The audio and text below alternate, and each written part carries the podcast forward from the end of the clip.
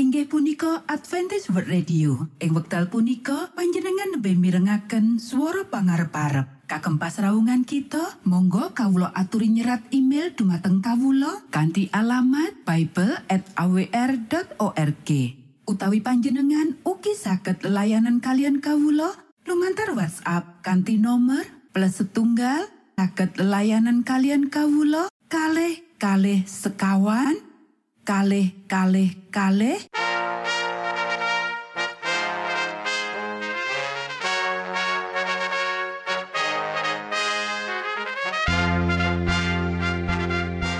inggih punika Adventis World Radio ingkang giaran kanti basa Jawi tentrem Rahayu Kulo aturaken kagem poro Mitra Kinase ing pundi papan lan panggonan. Sugeng pepanggian malih kalian Adventis World Radio. Kanti bingahing manah, Kulo badi sesarengan kalian poro Mitra Kinasi. Lumantar saperangan adicara ingkang sampun rinonci. Mligi kagem panjenengan sami. Mugi giaran punika saged migunani tuwin dados berkah kagem kita sedaya. Sugeng midhangetaken Gusti amberkahi.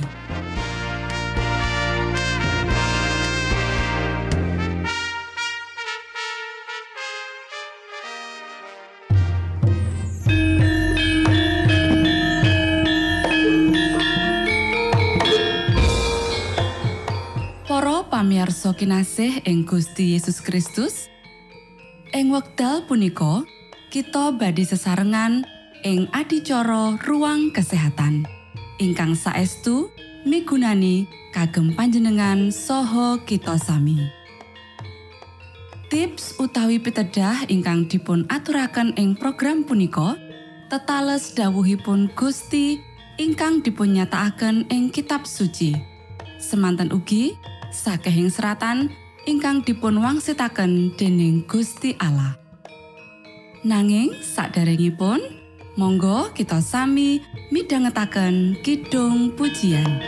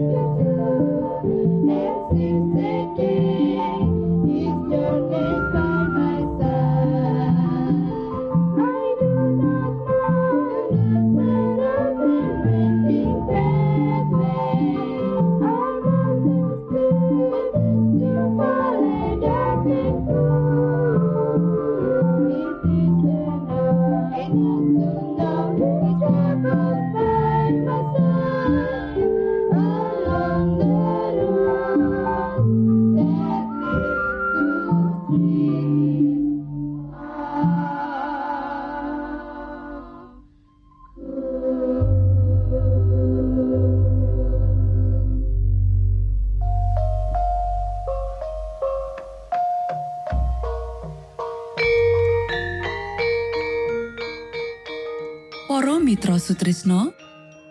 Puji syukur dumateng Gusti ingkang murbeng dumati ingkang sampun kepareng paring wewenngan kagem kita.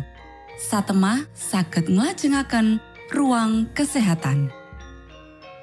Pirembakan kita semangke kanthi irah-irahan. Kaprasajan jroning Morodayo.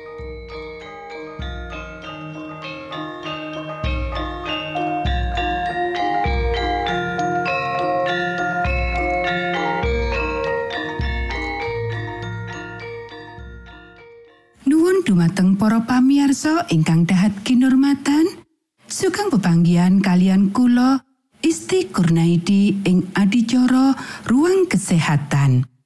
Ing dinten punika kanthi irah-irahan kaprasajan jroning Morodayo. Para sedherek ingkang kinasih, sak tenane panganan iku mung ngrusak dheweke sing mangan. Ing wektu sing padha, dheweke merlokake cacah dhuwit sing ditokke kanggo tuku sandangan kanggo dheweke lan anak-anake. Wektu sing dientekake kanggo masak, sing mung maremake selera lan ngrusak weteng iku kudune digunakake kanggo ndidik anak-anake jroning pangembangan moral. Para sederek, pakulinan Morodayo bisa uga didadekake sawijining bab kanggo ngrapuk kamurkan. Panganan lan omben-omben sing bebayani amarga digunakake sakjroning cacah ora winates ngrusak organ pencernaan. Tenaga inti badan kudu kabuang muspro kanggo nyerna panganan iki. Nganti iku bisa nyebabake kekeselen lan ganggu banget peredaran getih lan dadi akibate kabeh organ badan krasa kelangan tenaga. Berkah sing kudune dientuki saka kunjungan sosial iki asring ilang amarga sing duwe omah makarya abot ing gandok nyawisake maneka warna panganan kanggo sedulur. Kamangka sing kutune untung amarga pangandikan ing wektu mara dayoh Pria lan wanita Kristen kutune ora ngitinake pengaruhe kanggo nguciwakake sing duwe omah. Sakjroning bab iku sawektu mangan panganan sing wis dicawesake.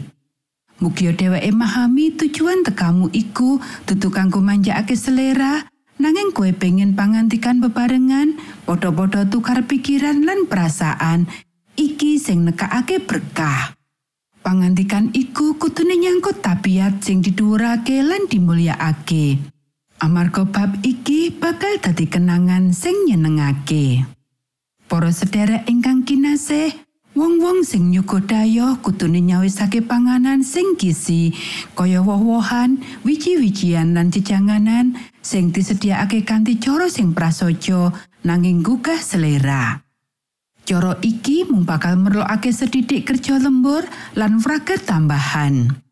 Amarga dipangan sakjroning jumlah sing ora akeh, Mula ora wong siji wae sing kelaran.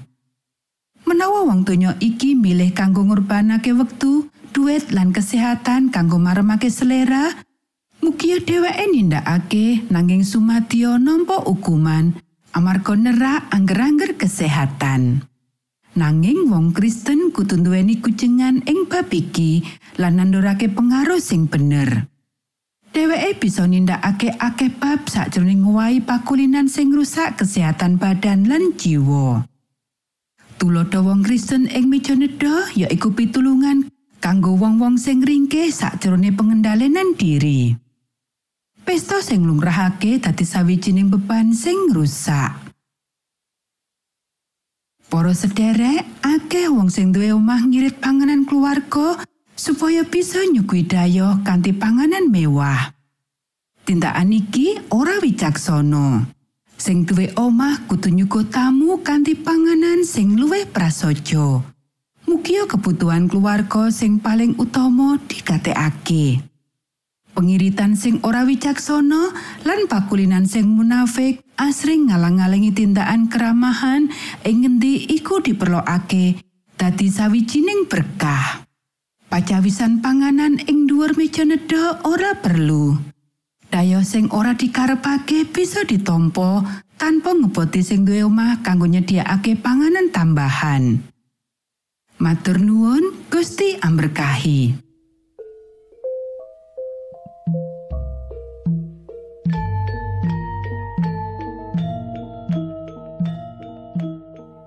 Cekap semanten pimbakan ruang kesehatan ing episode dinten punika. Ugi sampun kuatos jalaran kita badhe pinanggih malih ing episode sak lajengipun.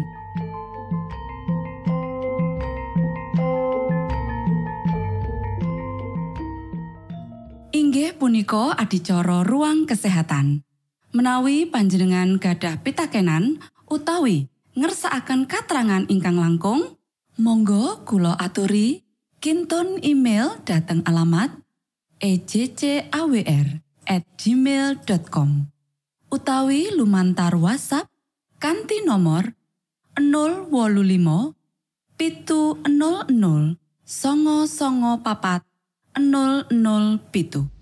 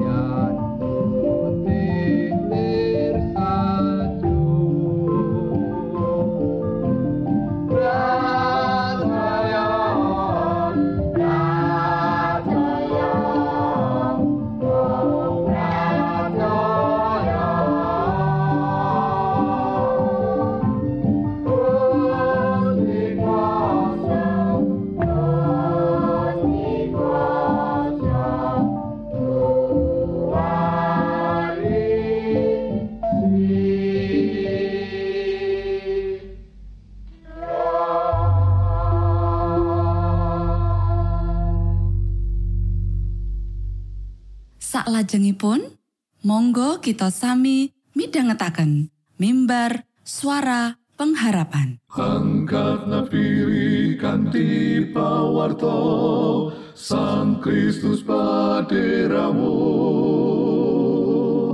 Pro umat samyo puji asmanyo Sang Kristus paderamu.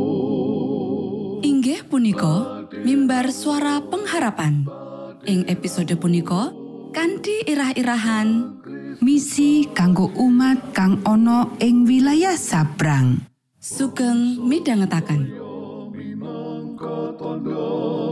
Sang Kristus paderamu ilmu kawero tambah tambah Sang Kristus paderamu paderamu paderamu Sang Kristus paderamu Shalom para pamiarsa ingkang kinasih wonten ing Gusti. Sakmenika kita badhe mitangetaken renungan Sabda pangantikanipun Gusti ing dinten punika kanthi irah-irahan misi kanggo umat kang ana ing wilayah sabrang Para sedherek ingkang kinasih ing Matius pasal 14 ayat 34 kita wis maca yen Gusti Yesus ngasta para murid saka wilayah Genesaret. Matius pasal 15 ayat selikur. Gusti Yesus banjur jengkar saka ing kono tindak menyang ing telatai kutha Tirus lan Sidon. Ya kene Gusti Yesus ngasta para murid saka Galilea menyang panggonan wong kafir Panjenengane nuntun para murid jroning sawijining sinau ing lapangan utawa field trip menyang tlatah negara manca supaya bisa nyinau ing lapangan apa sing ora gampang disinauni ing Galilea. Gusti Yesus ngersakake mulang para murid piwulangan kang bakal mitulungi para murid kanggo nyawisake diri kanggo patimbalane gayuh kabeh golongan wong kalebu wong-wong kang manggon ing kutha. Para sedherek ingkang kinasih, saka kitab Para Hakim pasal telu ayat siji nganti 6, kita bisa ndeleng menawa wong-wong ing jaman samono iki kagunakake dening Gusti Allah kanggo nguji imane para bangsa Israel. Eman banget umating Allah iki gagal jroning ujian kasebut saora-orane ing sawijining contoh.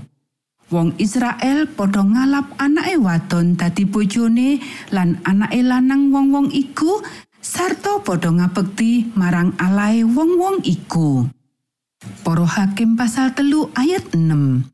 Mula kuwi sebabe saka wiwitane wong-wong iki minangka watu sandungane kanggo bangsa Israel. Ing kitab Para Raja pasal 5 ayat 1 nganti 11 kita bisa ndeleng sesrawungan kang rumaket antarane wong Sidon lan wong Ibrani. Senaosa jroning tunggal tingkatan, sesrawungan bab ekonomi ing antarane wong-wong iku padha-padha golek kauntungan. Ananging ora bisa diselaki maneh, wong-wong Ibrani iki pungkasane kena pengaruh saka budaya kafir lan memuja prahala saka mitra bisnise wong-wong iku. Ing kitab Para Raja pasal 11 ayat 1 nganti 6 nyatakake kepiye pangro kang ora apik iku kedadean. Prabu Sulaiman polakrami karo sawijining ratu saka Sidon kang ngagawe Prabu Sulaiman keblasar. Kayata sang Prabu Sulaiman tumuli ngabekti marang Asyitoret dewa-dewaning wong Sidon lan marang Milkom dewaning Kanistan sesembahaning wong Amon. Siji Para Raja pasal 11 ayat 5. Para sederek, ananging sanadyan saka sejarah kekafiran, panyembahan brahala lan pangruhe kang ala menggahing bangsa pinile, Gusti Yesus isih ngasta para murite ing wilayah-wilayah kono. Kanthi cara mangkono, Gusti Yesus miwiti kanggo wong-wong iku sawijining misi perkotaan lintas budaya. Lan iki nentang prasangka lan kefanatikane para wong-wong iku lan paring tulodo kanggo para murite cara nindakake misi perkotaan kanggo sakabeh budaya lan bangsa. Para sederek, akeh tantangan sing diadepi dening misionaris Advent ing wilayah kutha, kalebu kesehatan lan lingkungan. Sakliyane kalebu peragat urip sing dhuwur, rasisme, kefanatikan, nasionalisme, lan watesan kebebasan agama lan ekspresi.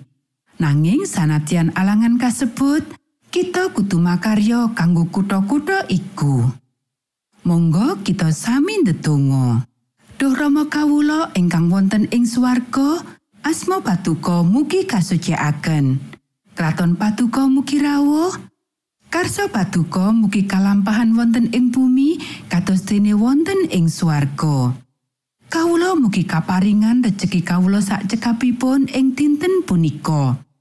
Saha patuko mugi ngapunten kalepatan kawula. Kados dene kawula inggih ngapunteni tetiang ingkang kalepatan dhateng kawula. Punapa dene kawula mugi sampun ngantos katandukaken dhateng ing panggoda nanging mugi sami patuko uwalaken saking piawon. Awit dene patuko ingkang kagungan kraton saha wisesa tuen kamulyan salami laminipun. Amin.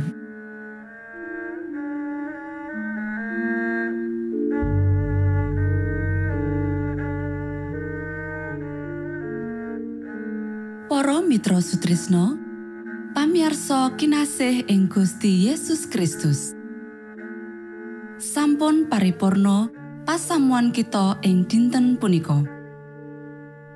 Menawi panjenengan gadah pitakenan utawi ngersaakan seri pelajaran Alkitab suara nubuatan Monggo Kulo aturi kintun email dateng alamat ejcawr gmail.com utawi lumantar WhatsApp kanti nomor 025 pitu 00 songo songo papat 00 pitu.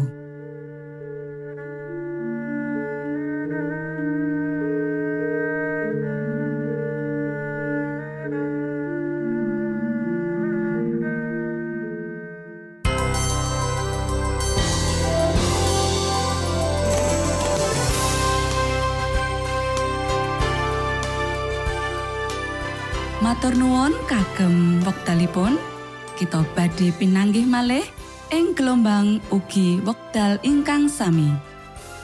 Saking studio kula ngaturaken tentrem rahayu. Gusti amberkahi kita sedaya. Maranata.